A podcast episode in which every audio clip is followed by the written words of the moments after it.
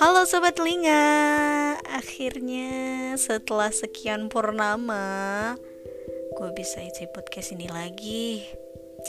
Sorry ya, udah lama banget gue ngilang. Terakhir tuh sekitar bulan Desember ya, kalau nggak salah. Oke, gimana kabarnya? Baik-baik aja kan? Harus selalu baik, sehat selalu untuk kita semua.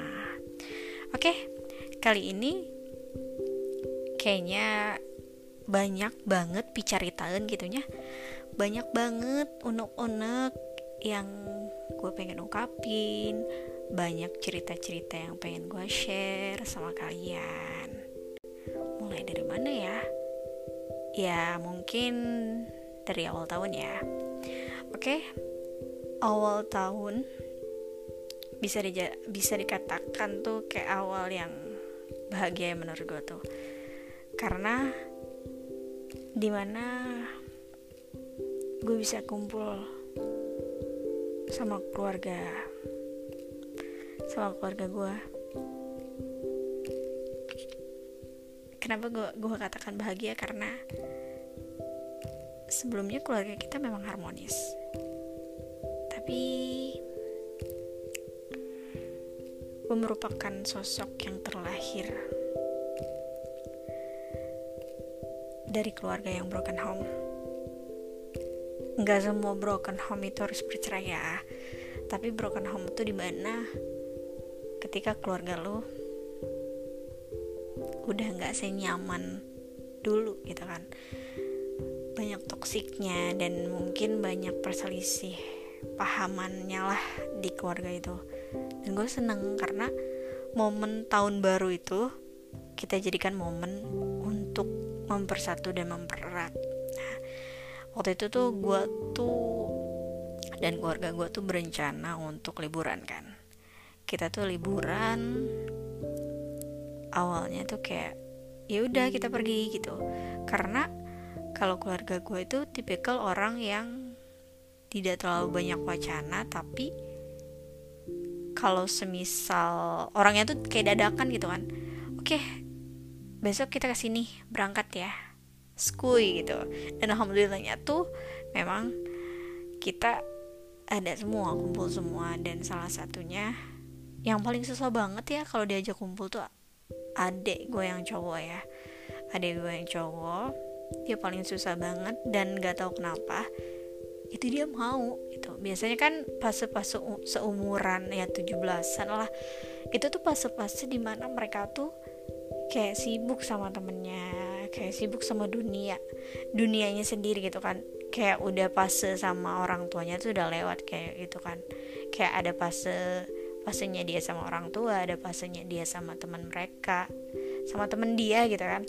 Sama temen-temen kayak fasenya lagi uh, sibuk dengan dunianya gitu kan. Oke di situ kita berencana liburan ke mana ya? Ke daerah Cirebon kalau nggak salah ya. Sebenarnya tujuan kita bukan ke situ sih kayak keliling aja gitu keliling Jawa. But itu menurut gue kayak momen di mana keluarga gue tuh kayak nyatu gitu kan oke okay, kita have fun di jalan kayak nyanyi-nyanyi makan bareng bertukar pikiran dan ya walaupun memang gak bakal senyaman dulu gitu kan karena broken home itu kan. Gue nggak bisa cerita uh, broken home-nya kenapa. Ya intinya ada satu permasalahan yang memang menurut gue itu itu bikin broken banget kan. Nggak perlu gue ceritain juga. Yang penting uh, gue tuh rasa oh iya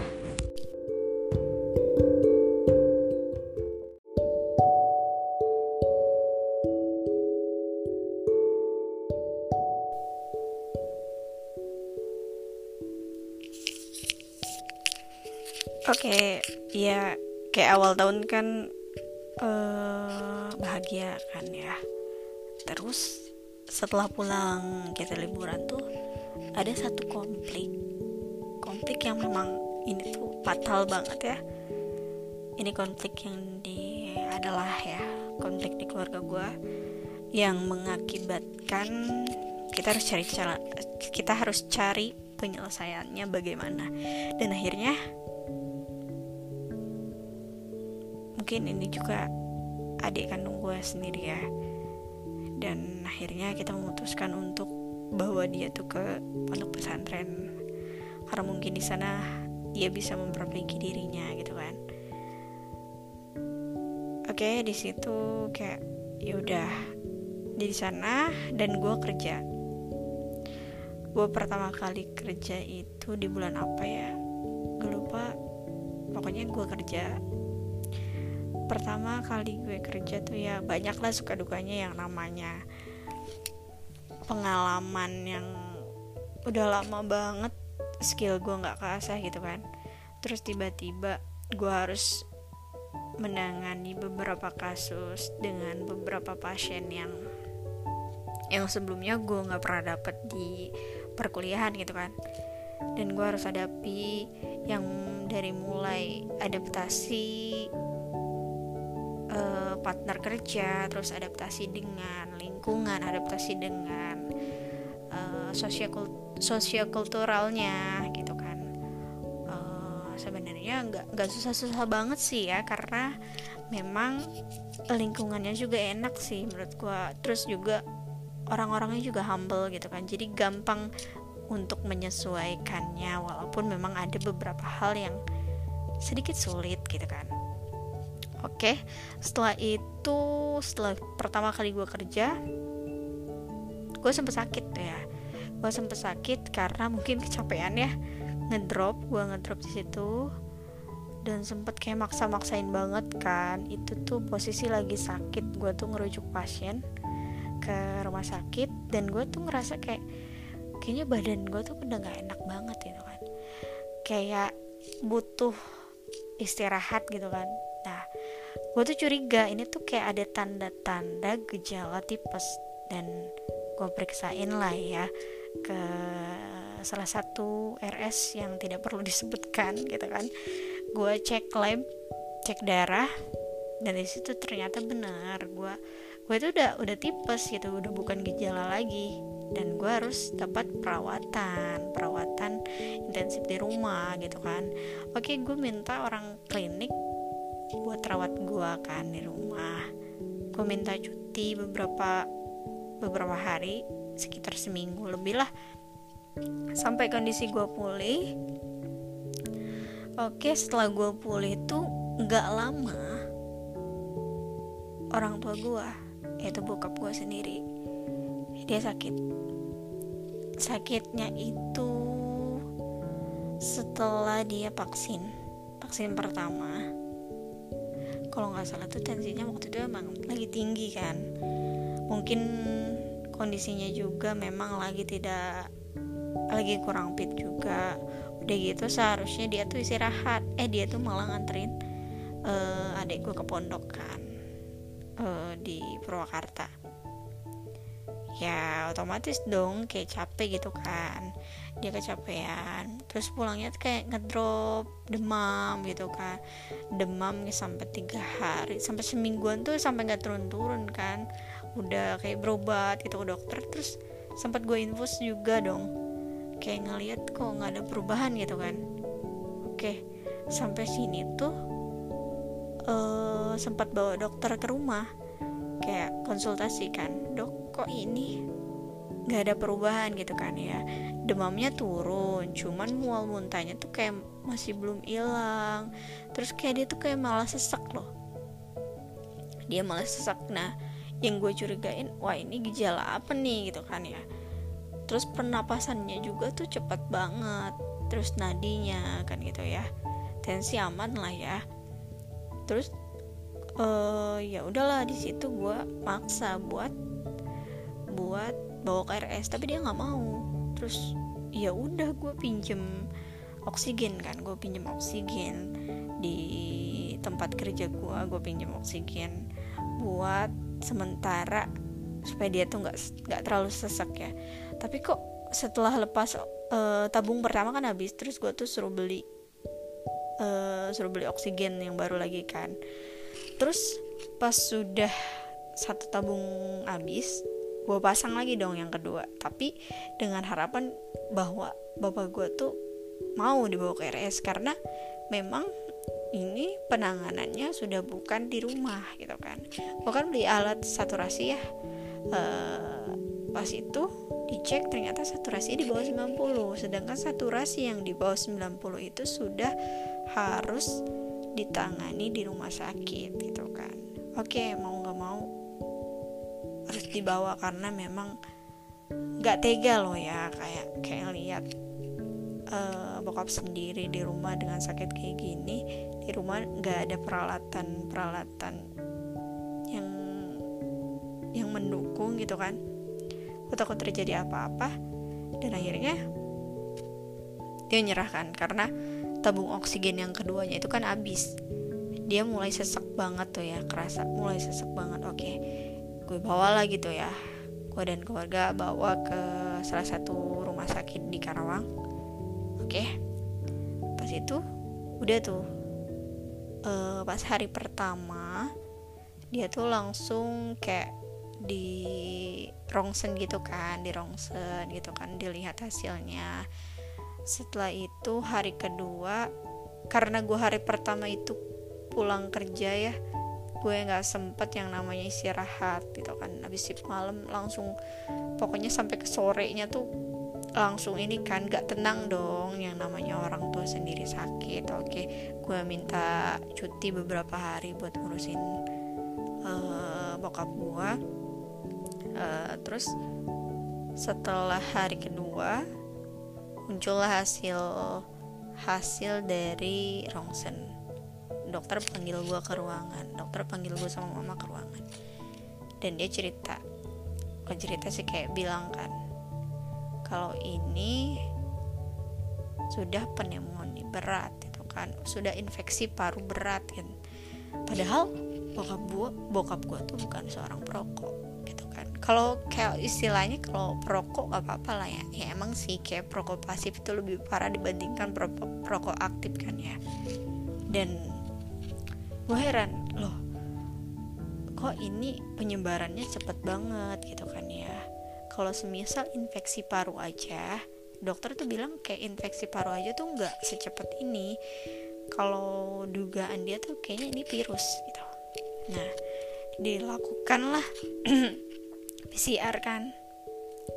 Ehm, dilakukan PCR yang keluar keluar hasilnya tuh dua hari kalau nggak salah ya oke hari pertama saturasinya makin menurun. Dia udah pakai oksigen oksigen tuh paling full banget.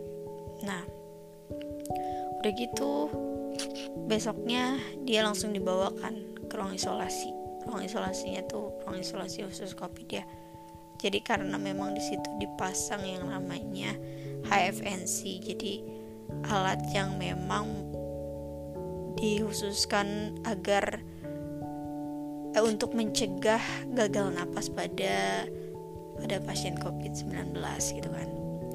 Oke, di situ karena ruangan itu ruangan khusus isolasi ya, nggak ada satupun yang boleh. Tapi uh, gue tuh minta minta izin gitu kan biar gue aja yang rawat gitu karena karena mama gue emang lagi kurang sakit gitu karena dokter ngizinin oke okay, gue pakai hazmat gue pakai facial dan segala macamnya gue temenin dia. Satu hari pertama itu dari juhur ya. Juhur gue masuk ke ruangan ke ruangan isolasi gue temenin dia. Yang awalnya kayak masih biasa aja tapi gue tahu dia tuh stres dia tuh stres bukan karena apa ya bukan karena dia tuh bilang sempat bilang kayak dia tuh stres ada di tempat kayak gini di kurung kayak gini. Dia nggak dia bukan tipikal orang yang gimana ya dia tuh harus banyak orang gitu orang itu kayak support sistemnya itu harus banyak gitu nggak kayak kalau gue kan orangnya kalau lagi sakit tuh nggak pengen banyak banyak orang gitu kan. Tapi kalau dia mungkin tipikal orang yang memang butuh support system banyak gitu. Jadi dia down di situ. Yang namanya sama orang tua ya. Ya gue kan gimana ya? Pernah gitu yang namanya ngurus pasien tuh seperti apa? Apalagi ini sama orang tua sendiri gitu kan. Nggak tega gue biarin gitu aja. Terus kayak nyuapin ngelap dia kan. Terus kayak pokoknya gimana ya? Dan pas hari kedua gue tuh keren tuh ya. Gue tuh keren sama sepupu gue buat jaga karena gue itu kecapean banget. Jadi mana gue tuh yang namanya Farhazmat itu gue udah nggak boleh makan minum di situ selama 12 jam gue keluar izin dulu buat makan minum ya otomatis gue juga mandi segala macam kan. Mandi dan lain-lainnya. Terus abis itu kayak ya udah gue tuh balik lagi kan ke ruangan. Dia minta jangan lama-lama jangan lama-lama. Karena dia nggak mau banget ditinggal sendiri kan iya gue jawab iya nggak akan lama cuman makan aja gitu kan. Makan aja mau nitip apa? Nggak mau. Dia bilang nggak mau. Cepetan ke sini ya gue di situ nggak ada pirasat apa pun ya karena optimis gitu kan. Dia pasti sembuh gitu kan. Pokoknya pasti sembuh. Dan udah gitu pas setelah gue sampai ruangan oke okay, gue temenin kan kayak dia tuh gue tuh udah ngantuk banget loh. Kayak udah ngantuk banget karena seharian kan nggak nggak tidur itu terus malamnya kayak gue tuh ngantuk banget ya kayaknya nggak kuat deh. Gue tidur ya tidur dengan beral beralaskan lantai aja ya gue pakai hazmat dan gue tidur situ di bawah. Dia tuh kayak bengong kayak ngeliatin kayak tatapannya tuh benar-benar kosong gitu kan. Dan besoknya pas subuh sih ya pas subuh ketika gue mau tukeran sama sepupu gue buat gantian jaga ya karena gue capek banget. Daripada gue harus ngedrop mending gue tukar dulu kan karena masih ada besoknya gue harus jaga dia gitu kan. Dan ketika gue mau tukeran itu subuhnya dia ngedrop karena mungkin gue bilang gue mau pulang gitu kan ya. Mungkin dia ngerasa kayak gimana gitu kan. Di situ langsung ngedrop. Saturasinya turun sampai 70 sampai 50 itu itu rendah banget ya. Sampai gue bilang sama sepupu gue gue nggak akan ganti dulu sebelum lihat bokap gue stabil. Gitu kan. Oke dari subuh itu bisa itu tuh lumayan lama ya dari subuh sampai jam sekitar jam 7 loh. Baru dia stabil. Saturasinya udah mulai naik udah kayak udah nggak gelisah gitu kan. Karena di situ dia udah mulai gelisah udah mulai panas gitu. Dan satu hal yang bikin gue sedih banget apa? Tengah malam dia tuh buka FNC-nya dari hidung dia buka. Ya otomatis dong gue gue nggak uh, gue nggak nggak bisa ngebiarin dia gitu aja. Pak pakai pak pakai tolong pakai gitu kan. Kalau bapak sayang sama keluarga pakai gitu. Bapak bisa sembuh kata aku gitu kan. Di situ kayak gue tuh sebenarnya nahan nangis loh di depan dia. Kayak malingin muka terus gue nangis gitu. Karena emang bener-bener nggak kuat ya kayak kayak nggak pernah gitu ngelihat ngelihat bokap gue senyerah ini gitu. Ngelihat bokap gue sengeluh ini gitu. Biasanya dia nggak pernah yang namanya kayak gitu kan. Walaupun dia emang kalau sakit main aja tapi nggak pernah sampai kayak gitu gitu kan. Dia bilang capek. Sampai bilang gitu kan kayak aduh kena mental banget dong gue dia bilang kayak gitu. Terus gue bilang gini pakai lagi ya pak. Gitu dipakein lagi kan sama gue gitu kan. Terus dia lepas lagi dong. Kayak karena itu tekanannya tuh 60 liter ya. Kalau bisa dibilang tuh itu hembusannya tuh udah kayak gimana ya pokoknya kayak kencang banget dong gitu kan. Oksigen aja berapa liter aja udah udah ini banget itu 60 liter loh setelah itu oke okay, setelah stabil kan? Setelah dia stabil oke okay, gue tuker. Gue tuker sama sepupu gue dan ternyata siangnya dokter ngabarin hasil PCR itu sudah selesai, sudah ada gitu kan? Oke okay, kita ke rumah sakit. Posisi sepupu gue ada di dalam. Uh, setelah itu gue ketemu dokter dan dokter bilang bahwa bokap gue dinyatakan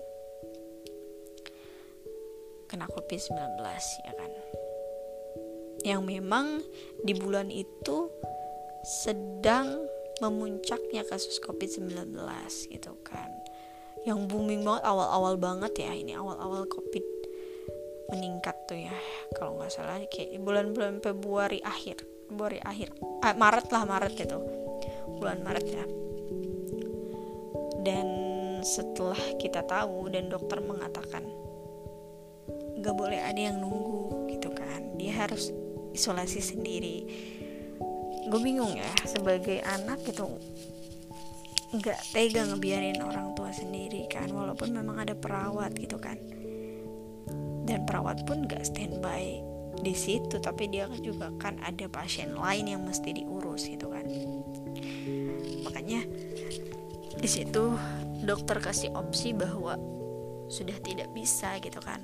Walaupun mau dengan berat hati ada resiko penularannya lebih besar gitu kan terhadap gua ataupun sepupu gue yang mau nunggu itu kan. Kayak dengan berat hati ya sebelum gue pergi oke gue masuk. Gue masuk ke ruangan itu gue jelasin dan gue minta izin pamit buat gak jaga dia lagi kan. Kayak gue ngejelasin e, pak maaf aku nggak bisa jaga karena dokter tadi udah kasih tahu hasilnya. Dia nanya emang hasilnya apa? Dan gue bilang kan apa kena covid gitu kan kayak dia langsung kayak ngebantah gitu kan. Apa? Enggak gini gini gini gini. Dan sampai dia tuh kesel banget gitu ketika dia dinyatakan seperti itu. Nggak terima gitu kan. Terus gue bilang gini sabar ya pak. Aku bukannya gak mau nungguin bapak tapi aku juga gak mau menularkan ke yang lain dan ini juga beresiko besar buat aku. Gitu kan. Pak aku pamit ya gitu kan. Aku bilang gitu terus kayak dia iya gitu doang coba jawabnya. Terus habis itu apa coba?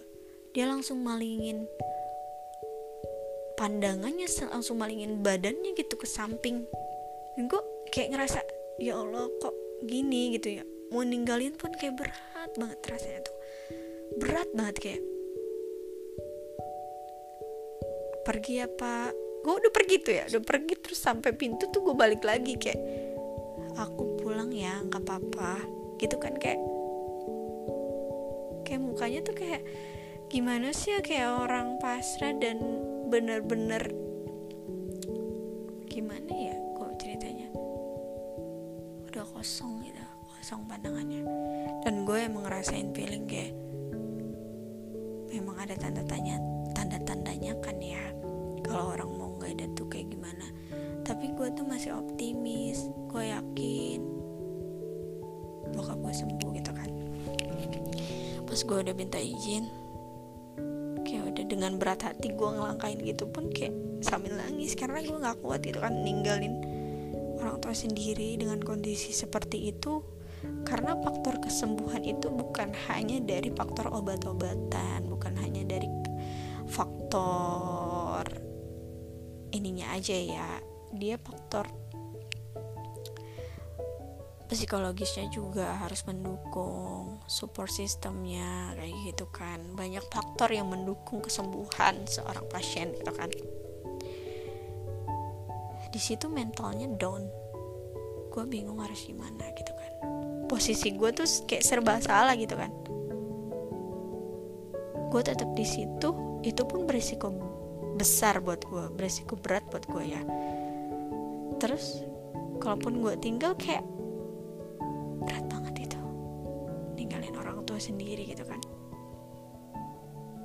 Walaupun gue percaya gitu perawat di situ juga merawat dengan baik gitu kan. Oke gue pulang gue pulang gue pamitan sama bokap. Terus. Pas sampai rumah tuh gitu posisi tuh Isa kayak posisi tuh Isa dan perawat ruangannya langsung hubungin gue langsung telepon gue teh tadi bapak nggak ada di ruangan. Lo gue kaget dong. Loh kok bisa? Ke mana? Coba cari gitu kan pas dicari tuh kata dia gitu. Ternyata bapak ada di kamar mandi. Bapak nyopotin semua infusan dan lain-lain. Di situ uh, tolong ya tolong banget diperketat penjagaannya kata gue gitu kan. Dia down kata gue gitu. Dan gue uh, dan saya nggak bisa ada di situ karena memang tadi sudah dikasih tahu kan dari hasil pemeriksaan dokter gitu kan. Oh saya kalau sebaiknya tidak ada yang berisiko berat. Ya udah kata ininya. Bapak sempat drop gitu kan. Gimana ya gue bukannya nggak mau bukannya nggak mau ke situ gitu kan. Memang kondisinya kayak gini kayak serba salah gitu kan. Dan perawatnya bilang drop. Oke okay, tolong kasih kabar saya. Usahain semaksimal mungkin. Kasih pelayanan terbaik untuk untuk ayah saya gitu kan. Terus nggak lama kemudian dia bilang teh udah mulai stabil gitu. Nah oke lah gue udah mulai tenang ya. Tapi tuh gak tahu kenapa tengah malam tuh gue tuh gelisah. Kayak gak bisa tidur gitu kan. Kayak tidur tapi kebangun. Pas kebangun ada telepon dong. Pihak rumah sakit telepon lagi. Dia bilang gini teh kesadaran bapak mulai menurun gitu. Kesadaran bapak mulai menurun saturasinya juga udah mulai turun. Teteh bisa ke sini nggak? Atau ada keluarga lain yang bisa ke sini seketika gue langsung oke mbak. Tunggu. Tunggu nanti saya ke sana dan gue di situ ini kayaknya harapan ininya tuh kayak udah mulai kecil gitu kan. Oke gue bangunin mama gue kebetulan dia belum tidur terus posisi gue bingung kan minta antar sama siapa karena di situ di rumah ad, cuman ada gue sepupu gue sama mama gue karena kita istilahnya isolasi ya karena kita kontak langsung.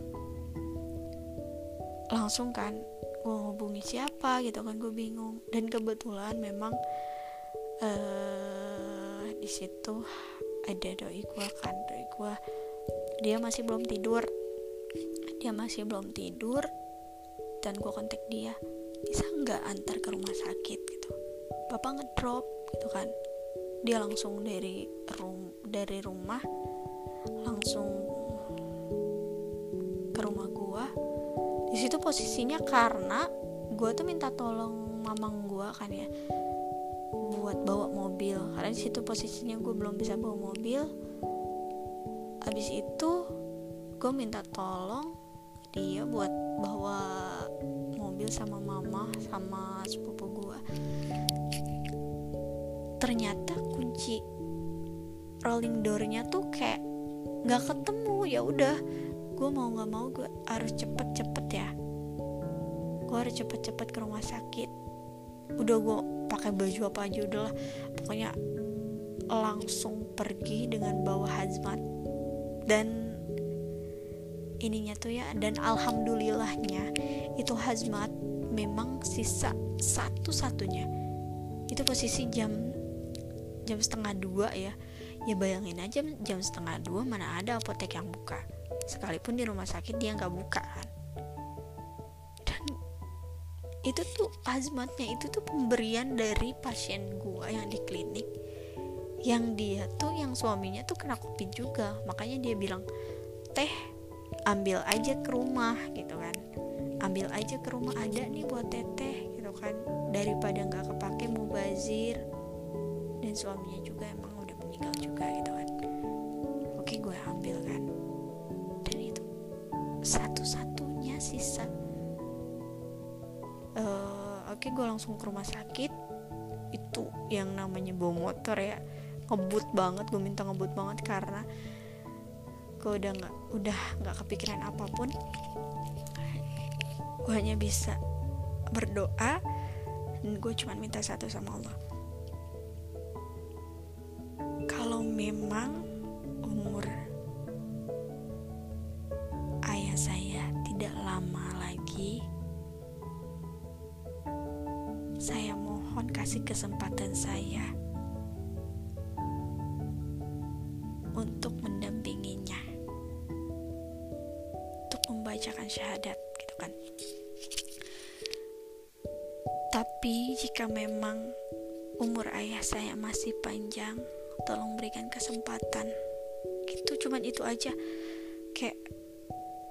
udah nggak ada doa yang lain lagi yang gue panjatin gitu.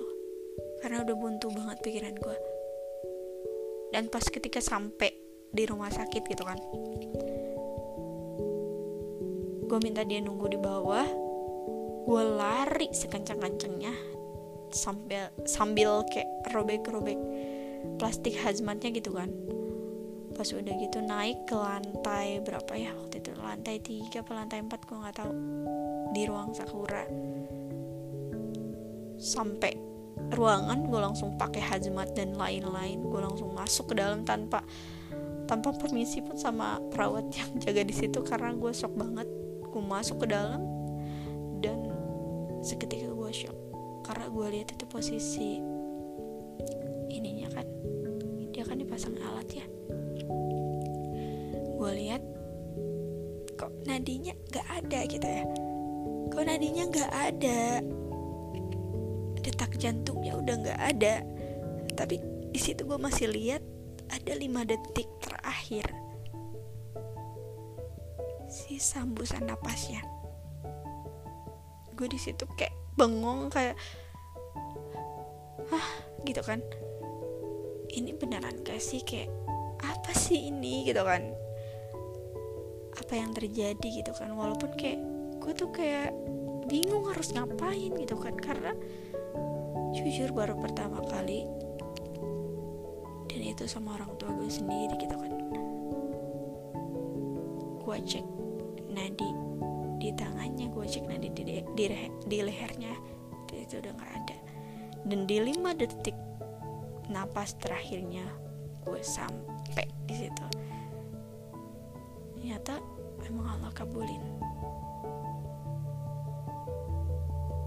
situ tuh sedihnya tuh apa?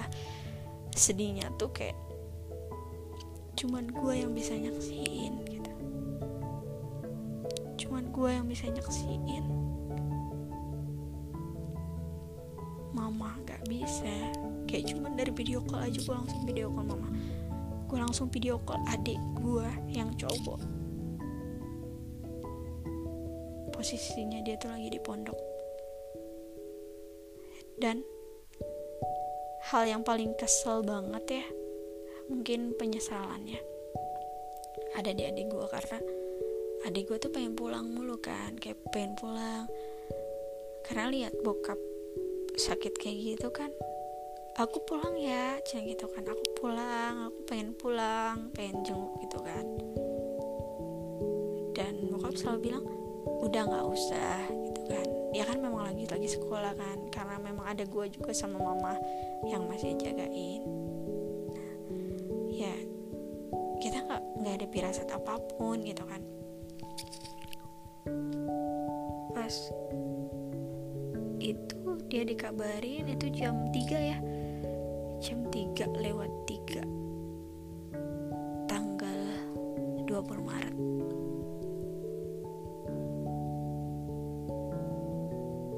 Gue ditinggalkan oleh sosok yang sangat sangat berpengaruh di, di kehidupan gue yaitu bapak gue tercinta. Gue bingung harus gimana gitu kan. Ya. Mungkin hal yang paling menjadikan di tahun 2021 ini salah satunya ini. Kehilangan sosok terpenting dalam hidup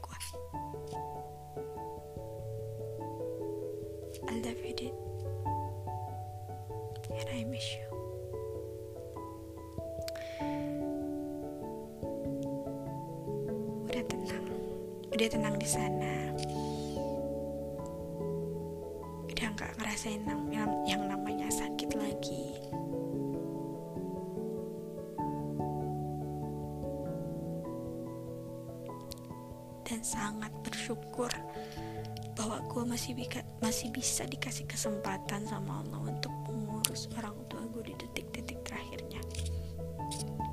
Walaupun banyak banget penyesalan yang pernah gue perbuat kan. Banyak banget harapan yang belum dia saksikan. Banyak banget kayak hal yang pengen gue ceritain gitu kan. Tapi sekarang udah nggak bisa gitu kayak kehilangan, kehilangan orang tua tuh kayak patah hati yang paling patah kalau menurut gue ya.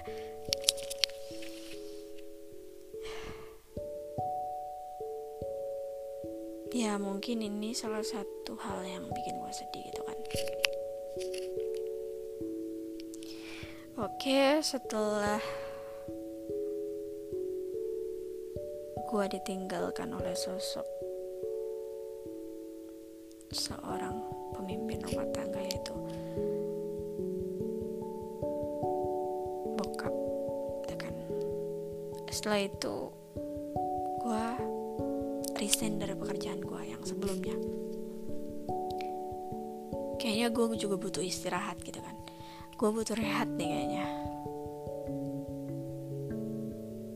Walaupun memang tanggung jawab gue masih banyak ya terhadap adik-adik gue karena gue anak pertama masih ada dua adik yang harus gue jaga.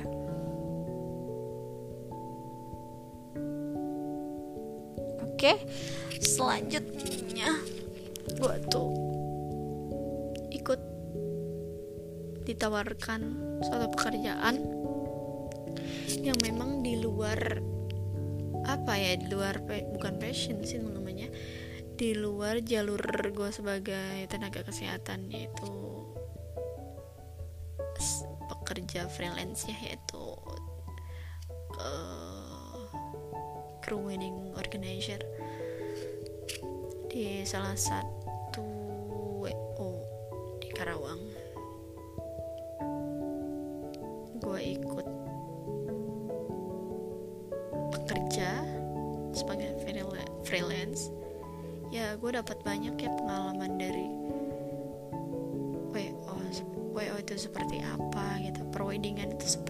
khususnya ya perweddingan itu kayak gimana cara mengurus pernikahan itu seperti apa dan hal apa aja yang mesti disiapkan gitu kan.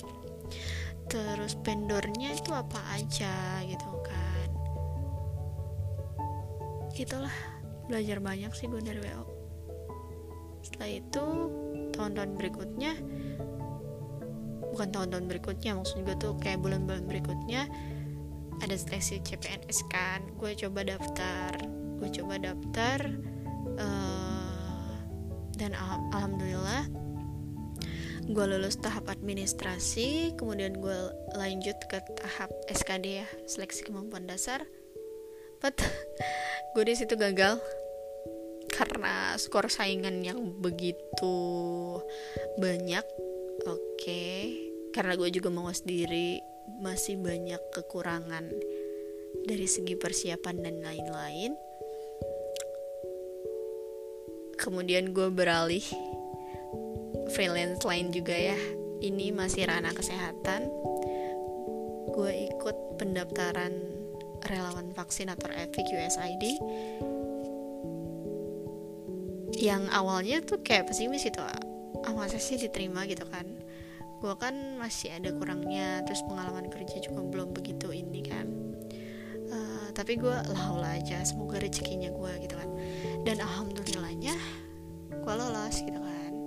Lolos ikut uh, ikut jadi relawan vaksinator. Yang awalnya banget tuh gue tuh di puskesmas Blok Jambe Karawang itu pertama banget. Terus gue lanjut ke pendopo Garut. Hmm, gue ambil di sana. Lumayan lah dapat satu minggu di sana. Terus lanjut lagi ke puskesmas Tirta Jaya pokoknya masih ranah-ranah Karawang lah masih wilayah-wilayah Karawang.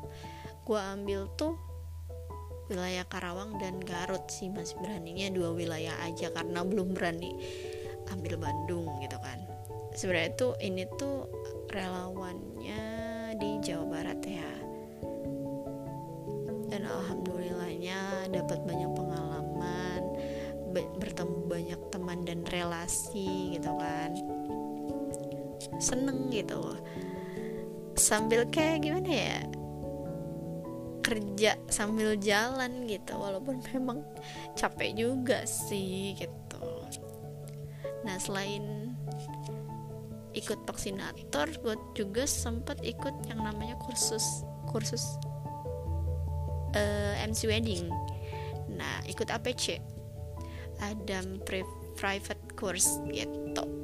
Kenapa sih? Sebenarnya awalnya sebelum masuk WO tuh memang gue tuh niatnya tuh pengen kursus MC gitu. Tapi karena satu dan lain hal gue memutuskan untuk oke okay deh gue terima tawaran kerja sebagai kru WO gitu kan. Dan gak ada salahnya juga. Ternyata memang kalau udah jalannya gitu ya ada aja jalannya gitu. Gue ikut juga kursus MC kenapa sih gue memutuskan untuk ikut kursus gitu? Karena gue tuh ingin menggali potensi gue di public speaking terutama ya. Karena menurut gue masih banyak kurangnya gitu kan. Masih banyak belum pedenya masih banyak ilmu yang harus gue gali tentang public speaking terkhususnya sih tentang per ya memang sih tidak terlalu terlalu ini ya. Tapi menurut gue tuh public speaking itu penting gitu di situ gue dapat ilmu banyak ya mengenai public speaking mengenai khususnya tentang MC wedding. Ternyata MC wedding tuh beda loh dengan MC yang lain-lainnya gitu kan. Kayak segi formal ataupun itulah kok kok ini mah beda? gitu kan. Dan cara pembawaannya intonasinya seperti halnya itu tuh benar-benar ada ilmunya gitu nggak sembarangan. Oke sampai sini mungkin banyak ya. Banyak banget sebenarnya unek-unek yang pengen diungkapin.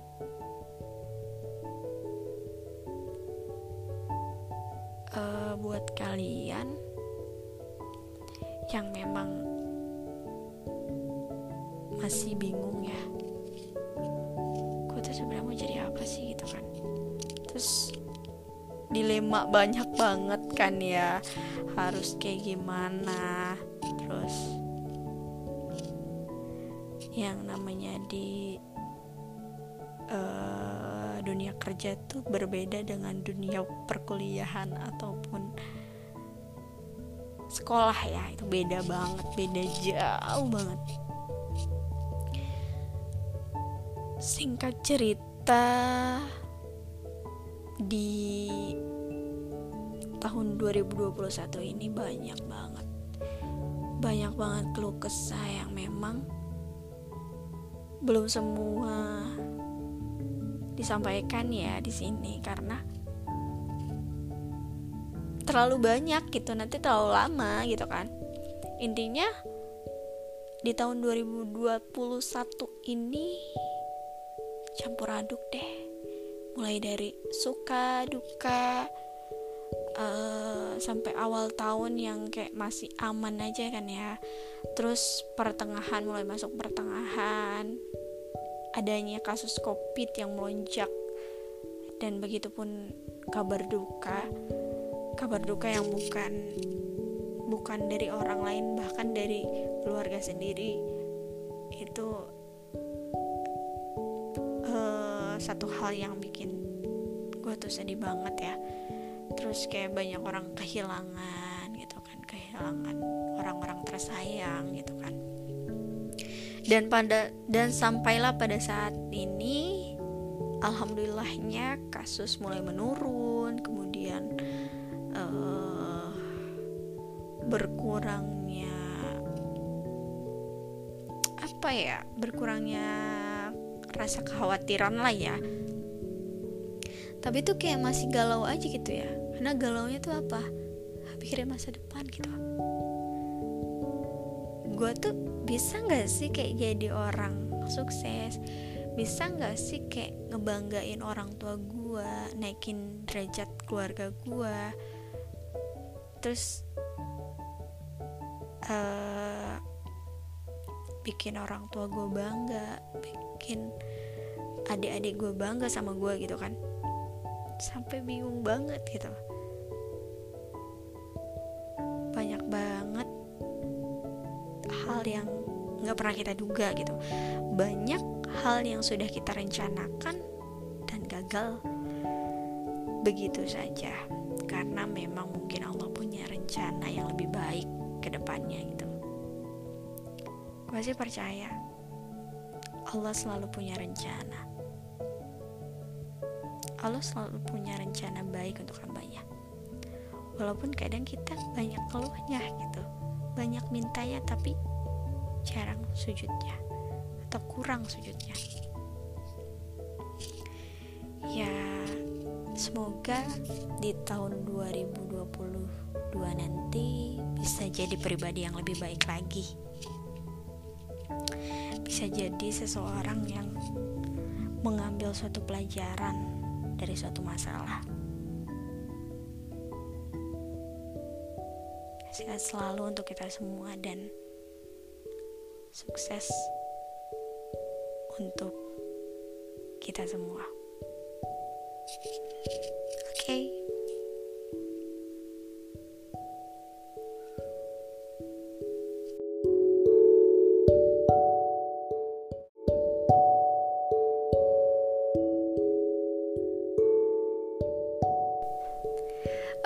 Sebagai kata-kata penutup, tidak ada kata terlambat untuk berproses. Lakukan sekarang atau tidak sama sekali. See you.